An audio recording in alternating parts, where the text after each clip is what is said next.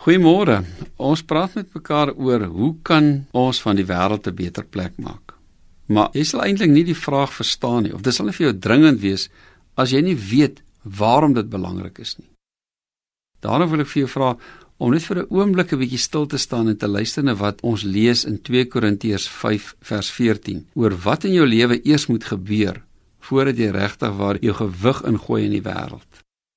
Ek lees hierso: Die liefde van Christus dring ons omdat ons tot die insig gekom het dat een vir almal gesterf het. En dit beteken dat almal gesterf het. Nou wat sê hy eintlik hier? Die passie van Christus is die ding wat jou eintlik laat opstaan, laat uitgaan, laat betrokke raak. Maar in die vertaling hiervan is daar 'n interessante ding.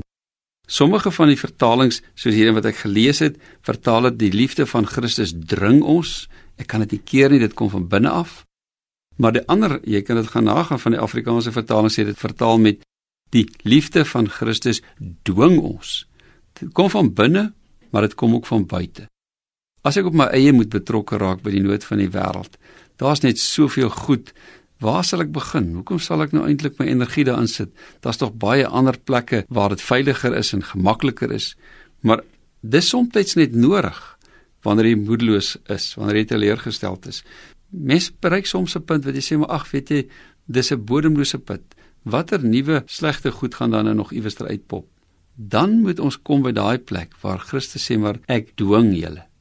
Dis nie 'n keuse of jy dit wil doen nie. Jy moet dit gaan, dis 'n opdrag. Soms is dit vir ons makliker om maar net bietjie eenkant toe te staan. Kan ek jou herinner aan wat ons in Filippense 4 vers 13 lees? Ek is tot alles in staat deur Christus wat my krag gee. En hier moet ons nou mooi luister. Ons vertaal dit en ons interpreteer dit dikwels as ek kan alles regkry. Dis 'n aktief.